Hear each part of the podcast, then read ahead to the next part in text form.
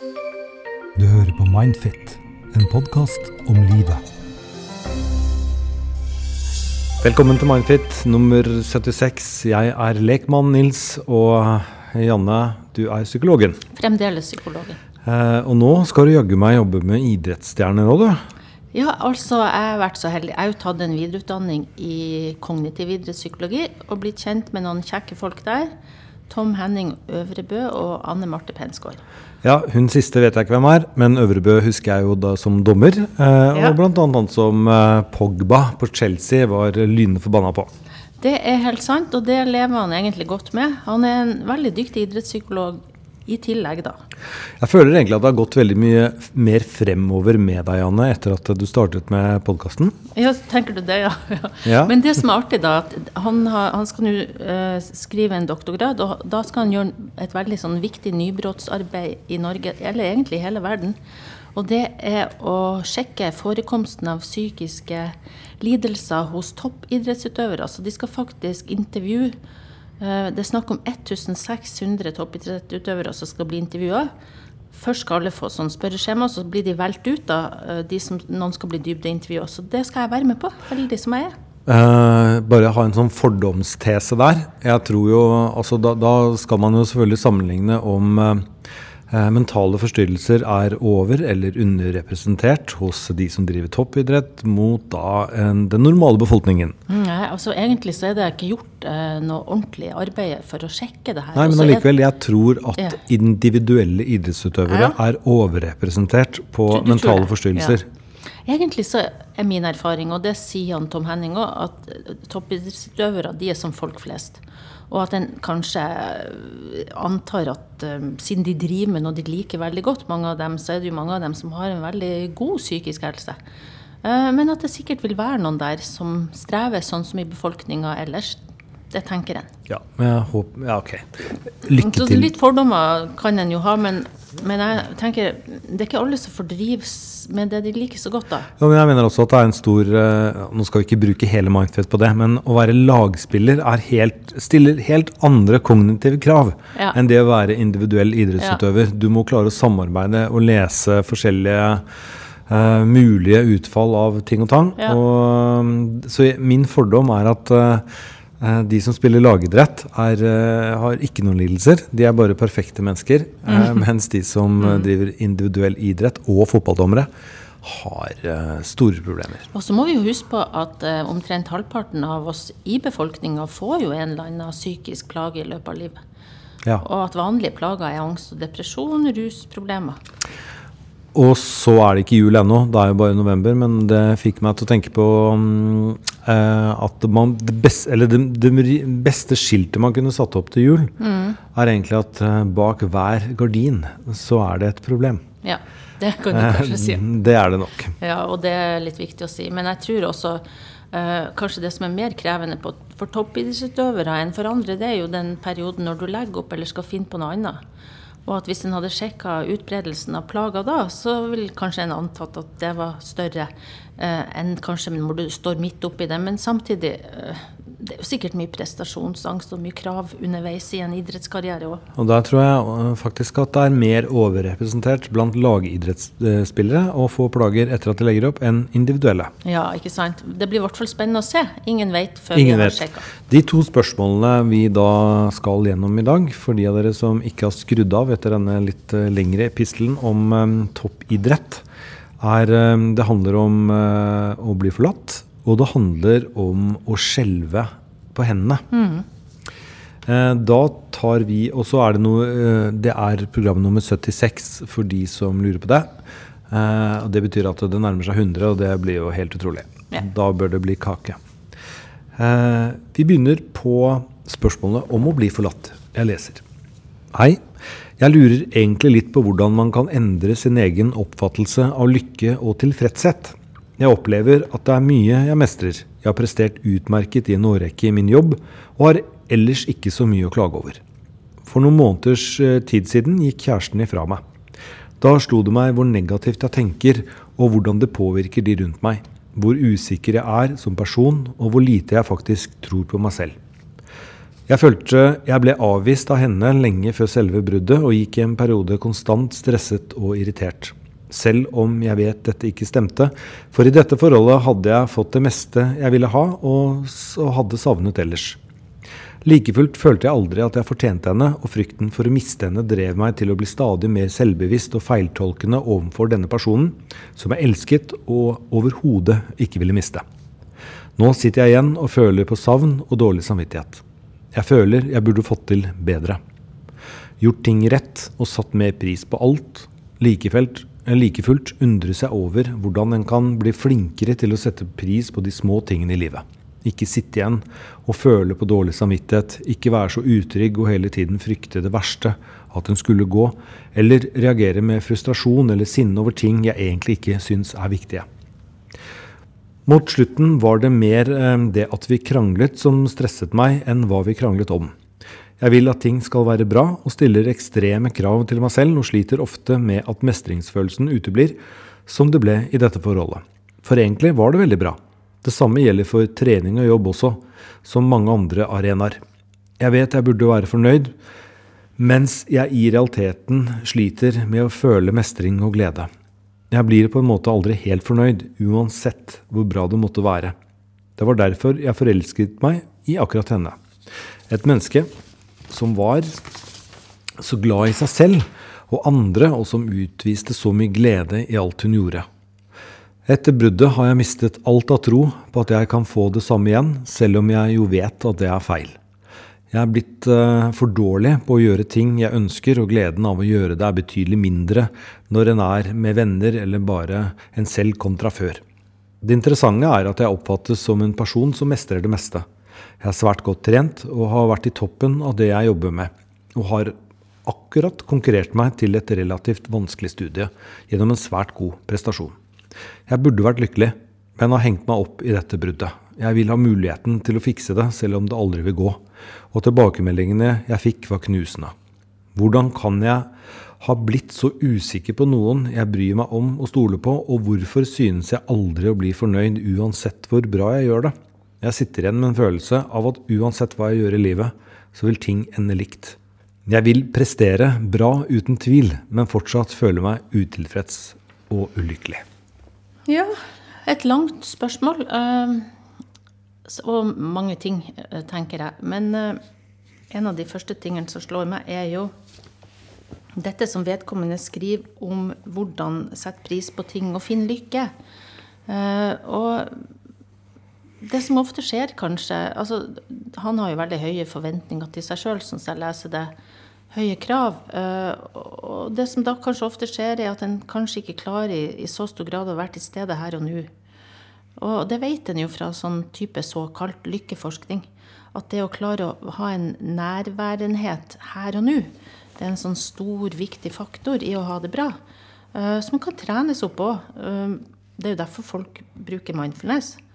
Altså Mindfulness handler jo ikke om å sitte i Hva heter den stillinga du skal sitte i når du Lotus. I lotus og mm. ha det bra. Og bare tenke på hvor bra alt er. Det handler om å, å lære seg en slags mer anerkjennende tilnærming til hvordan en har det til enhver tid på bra og dårlig måte. Men å liksom, være mer til stede i det enn å, enn å øh, flykte framover eller være så opptatt av det som har skjedd før, da. En sånn type ting en kan trene på.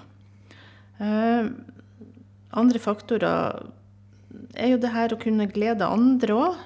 Og han er jo opptatt av dette med relasjoner, ikke sant? fordi han vet at det som forebygger at folk Altså det som forebygger psykisk uhelse ofte, er jo å kunne knytte bånd til andre. Mm. Eh, og det er jo det vi snakker om her. Eh, så ser det jo ut som han har blitt veldig opptatt av at han ikke er bra nok på et vis. ikke sant? Så det kan være et paradoks. fordi det er noe annet hva, hva, det ser ut som på utsida, enn det folk føler seg på innsida. Uh, sånn at Han nevner jo mange faktorer på ting som gjør at han tilsynelatende burde være uh, vellykka. Altså at han utad sett virker vellykka. Og det er det mange som går til meg som, som gjør, altså utad sett. Men, men inni seg så har de denne ulven, kan du si, Aldri fornøyd. En veldig sånn mm. indre kritiker som aldri er fornøyd. Uh, og det høres ut som han, hvis jeg skal gjette, eller han sier det jo òg, så har han mye av det. Og da er det jo lett, når du er sammen med noen òg, når du sjøl ikke er fornøyd, så, så, leter du også etter tegn i den andre på at den ikke egentlig vil ha deg, ikke sant. Uh, det høres ut som han da har gått i Altså han har liksom gått litt på henne. Det har vært en del kanskje beskyldninger eller utbrudd fra hans side. Og så, og så er det noe med at egentlig har han kanskje ikke kommunisert så godt hva han egentlig føler.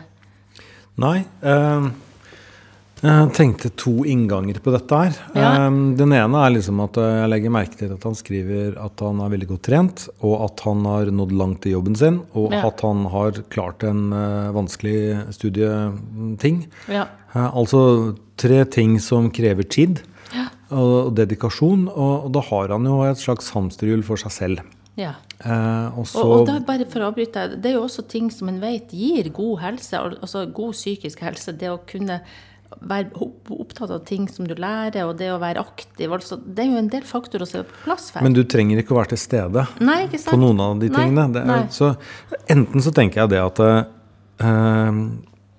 at, man da, at han kanskje innerst inne føler at han har tatt uh, uh, Jeg kaller det dama hans, da.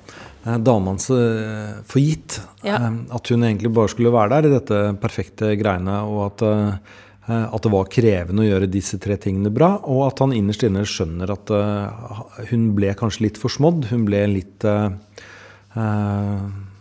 oversett. Og så ble det for seint, og så angrer han. Det er den ene tingen jeg lurer på. Eller er det sånn at egentlig alt var helt perfekt? Det var liksom godt trent, god jobb, klarte å ta en utdannelse, kjempefin dame. Mm. Og så brast det. Han klarte ikke å holde på den næreste relasjonen, altså kjæresten sin. Ja. Og at er det innvendig vondt, eller er det vondt på hvordan de andre ser han og hans vellykkethet? Skjønner du? Ja, det er jo viktig. Men det er, liksom, det er de spørsmålene uh, som jeg har. Ja. Um, og vi vet jo ikke. Nei, men jeg får jo inntrykk av at det er innvendig vondt. da. Uh, får ja, inntrykk det, av at, at, han opplever at uh, han har hatt noe som han ikke har klart å sette ordentlig pris på mens det var der. Fordi han også, sånn som jeg leste, har vært såpass utrygg og hele tida på om han er bra nok. og om hun, altså Han har liksom væra litt, at hun orker kanskje ikke mer. Og når du begynner å tenke at den andre ikke orker mer, så begynner du også kanskje å beskylde den andre, eller eller begynne å tenke veldig mye sånn negativt om deg sjøl. Jeg er vel ikke bra nok, da. Og da kan du begynne å få en væremåte òg som Den står ikke i forhold til det du føler. Det som ofte skjer i parforhold Jeg ser du skal se, si noe, Nils, og det skal du få lov til.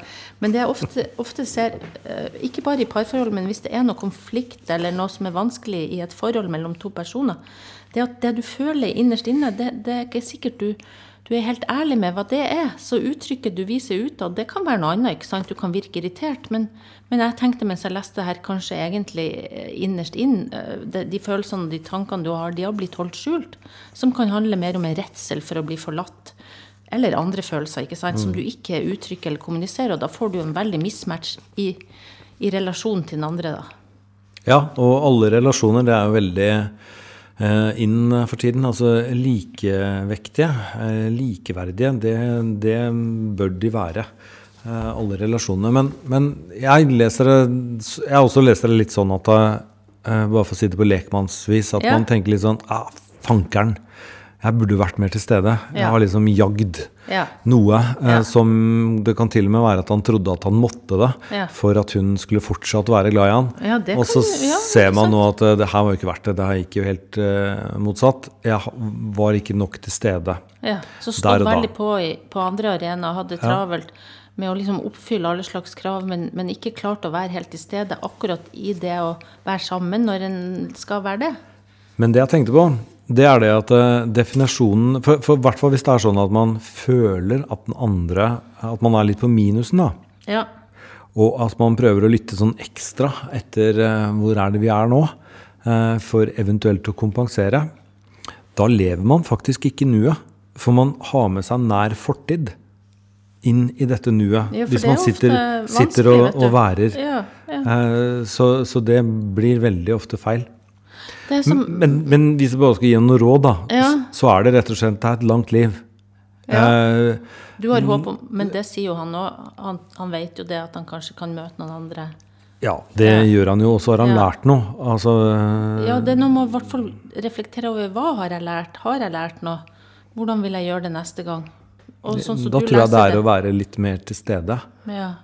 Det er enklere sagt enn gjort når du har så mye Jo, men hvis du har fire ting, da. Ja. Han har kun tid til fire ting. Det er jobb, trening, utdannelse, kjæreste. Og da er det på en måte å, å, å, bestemme seg for hvor mye prosent man skal bruke på disse fire tingene. En sier jo ofte det. Eh, og noen av disse kommer til meg, dette med verdier. Vi går gjennom et sånn verdihjul, ikke sant.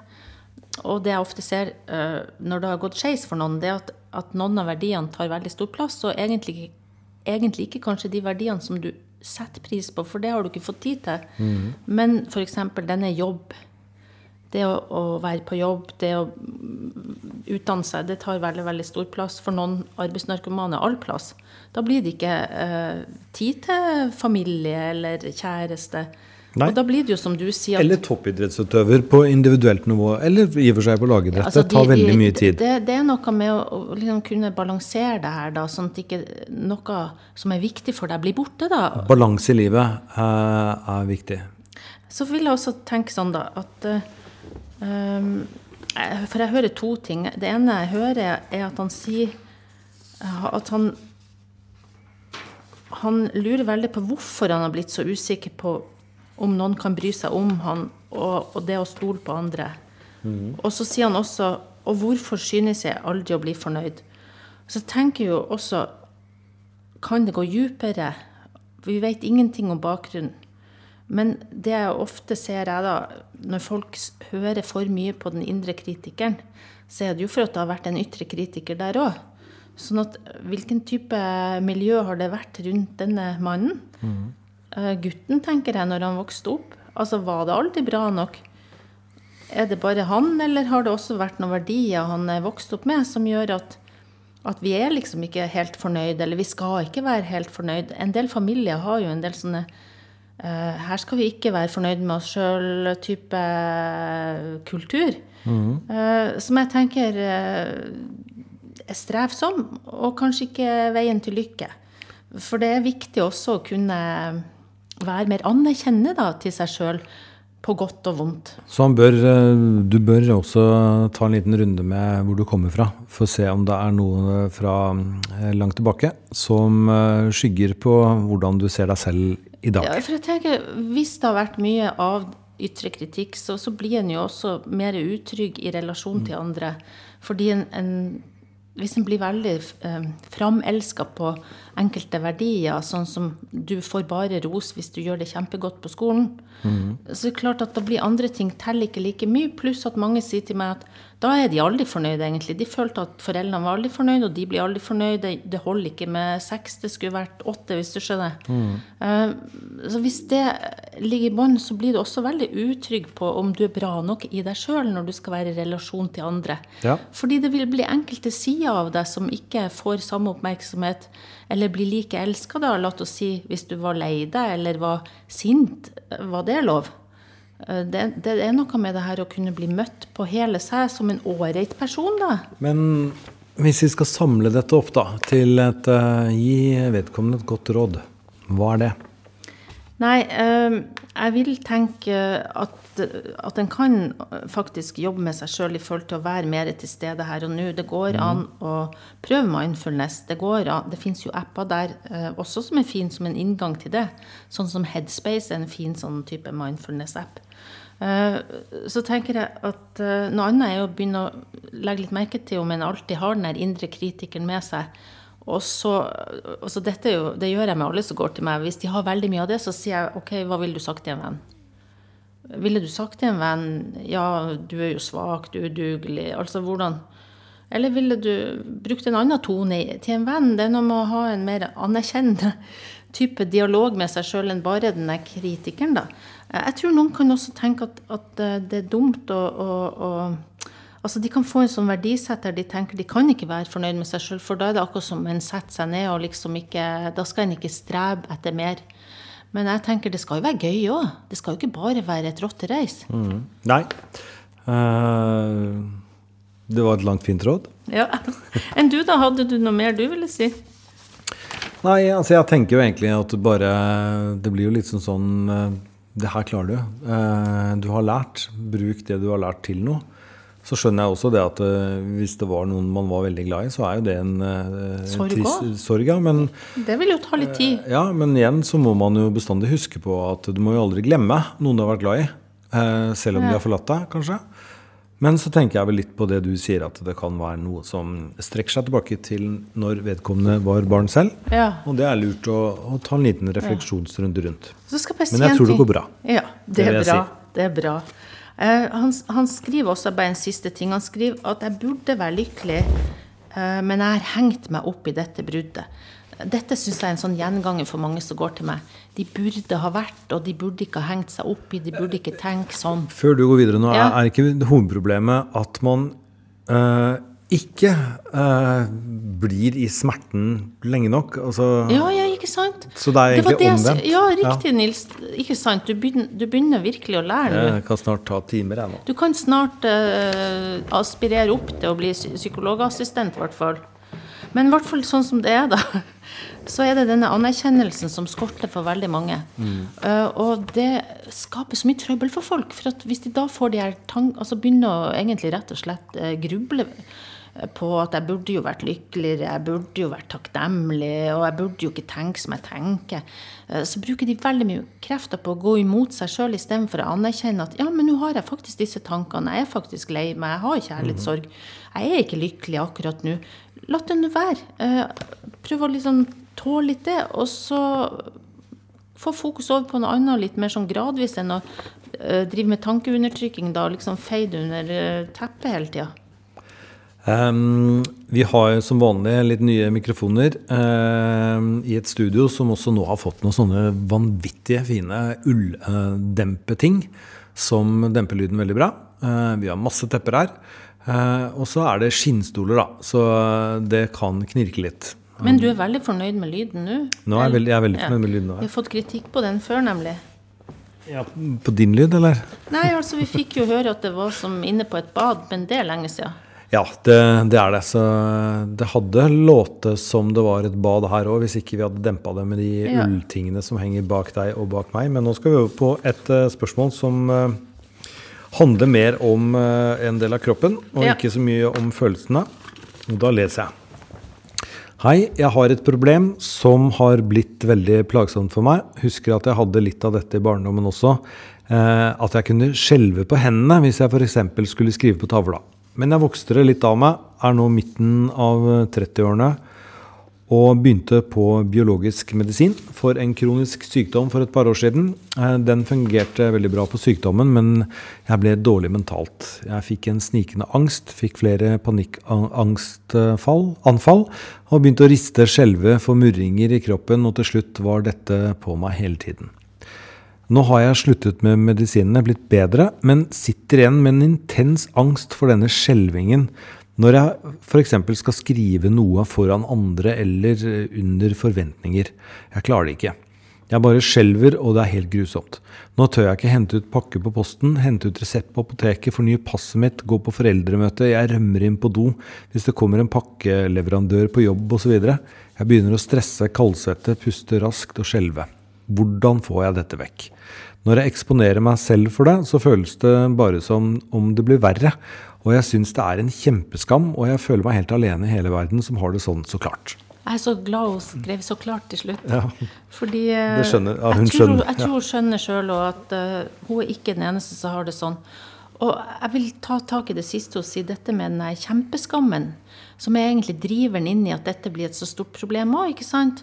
Fordi øh, en må utforske, eller hun, et godt tips til henne er å utforske disse katastrofetankene. Hva er det egentlig hun er redd for skal skje? Uh, er hun redd for å besvime, dumme seg ut altså, sånn, Når folk får uh, uh, ja, så Hun har jo hatt panikkangst òg, men når hun får den skjelvinga, hva er det verste som kan skje? Mm ofte så viser det seg kanskje at det ikke er så ille som en tror, eller at det verste kanskje ikke vil skje. Sannsynligheten er ikke så stor. Eh, men mange tør jo ikke å gå inn i de, de, tankene heller. Men, men, det er en sånn start på å få gjort noe med det, og liksom utforske dem. Men enten så har dette med sinn å gjøre, eller så har det med kroppen. Du, dette, dette har jeg sjekka litt ut. Dette med skjelving er jo ikke så uvanlig. Uh, men det en sier at det kan være ulike årsaker inn. Uh, en årsak kan jo også være høyt stoffskifte. Mm. En annen årsak er at det kan være en bivirkning på medisiner. Det kan jo også være en type nevrologisk sykdom. Mm. men stress er òg en faktor. Ja. Så det er mange årsaker inn. Men hunden, jeg tror det var en hund, ja. vi kaller det en hund, ja. bør jo sjekke deg, kanskje? Ja. Ja det er jeg enig med deg i. at det er jo lurt å sjekke. For at leger kan jo gå gjennom sykehistorien og mm. finne ut bakenforliggende årsaker eventuelt. Og uansett hva forklaringen er, f.eks. hvis det var en medfødt sykdom da, som gjorde at man skalv, så kunne man da tenke seg at ja, det er fint, da blir jeg ikke så redd for det, for jeg kan jo forklare det til folk. Men, ja, men ja. uansett hva det er, så er det ikke noe som er bedre eller dårligere om den bakenforliggende årsaken. Nei. Du kan jo forklare det til folk uansett. Jeg tenker at uh, uansett bakenforliggende årsak til denne skjelvinga, så er det viktig, som jeg sier, å utforske litt hva er det verste som kan skje. Og så er det noe med Det vet en jo, for det her har det også utvikla seg så jeg ser det er en angst for at det skal skje noe. Mm. Så hun har jo begynt å unngå veldig mye.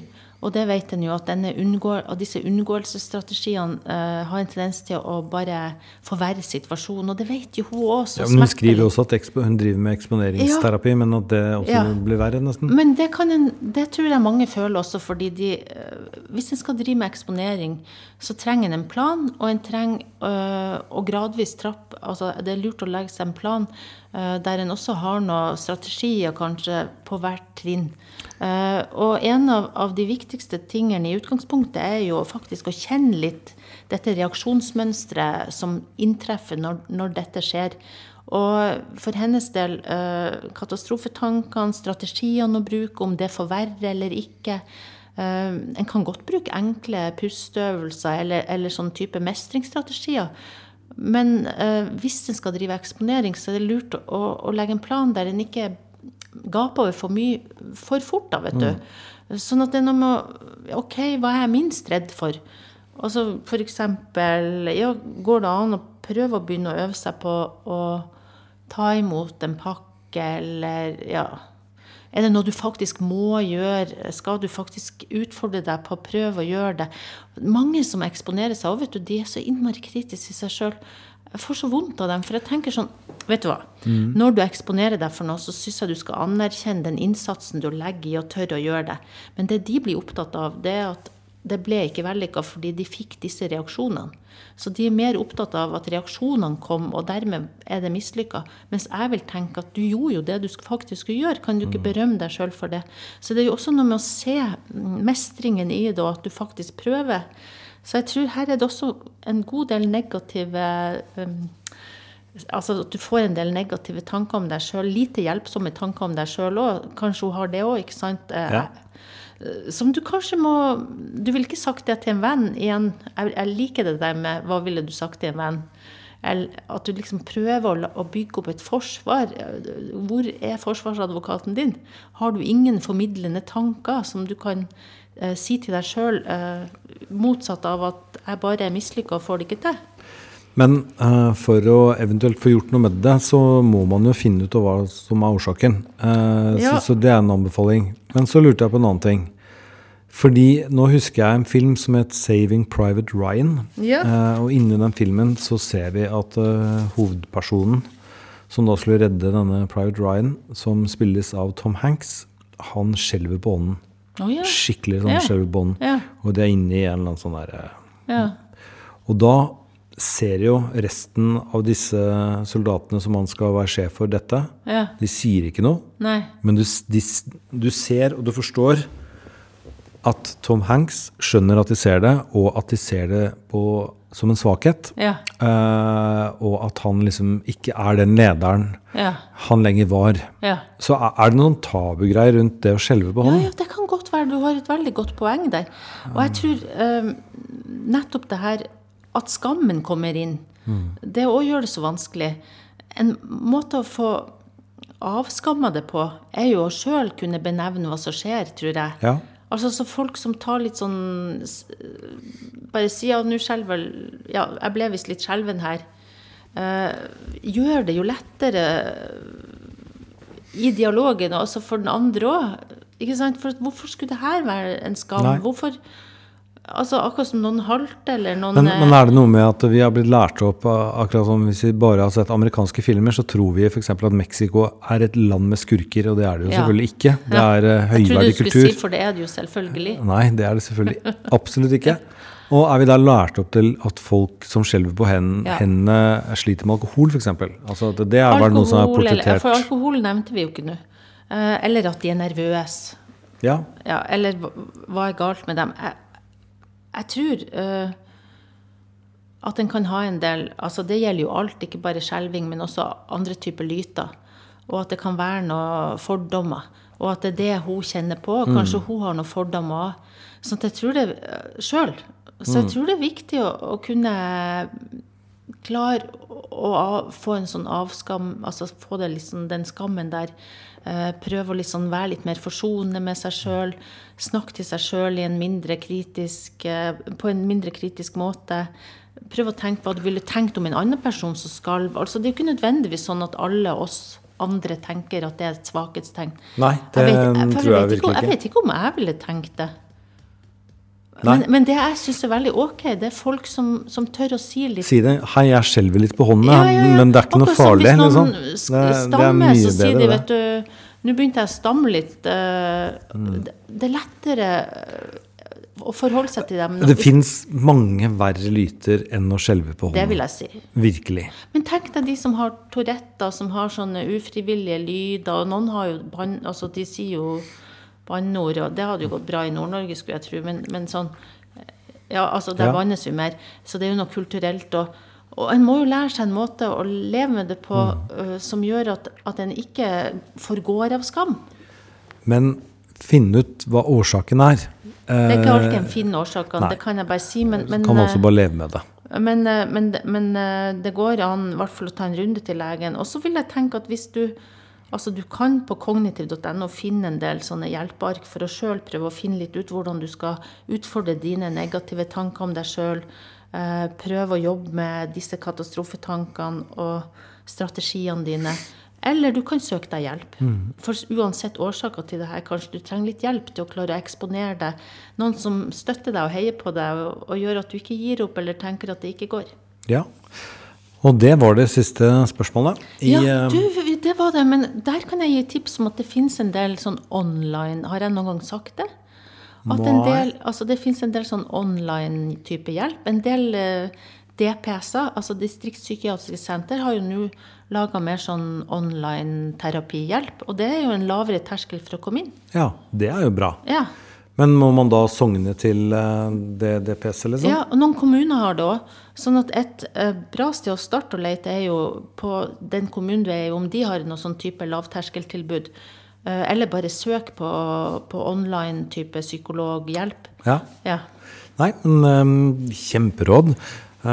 Neste gang vi snakkes, så er det Oi, nå ringer telefonen min. Um, for nå måtte vi jo være ferdige. Det var ja, det jeg sa. Vi er ferdige nå. Vi er det. Ja. Neste gang er det nummer 77. Ja. Uh, og da uh, har vi sikkert nådd uh, tre millioner lyttere, føler jeg. Men det bryr vi oss nemlig ikke om. Det er at akkurat du hører på, som er viktig for oss. Ha, ha det bra. Du hører på Mindfit, en podkast om livet.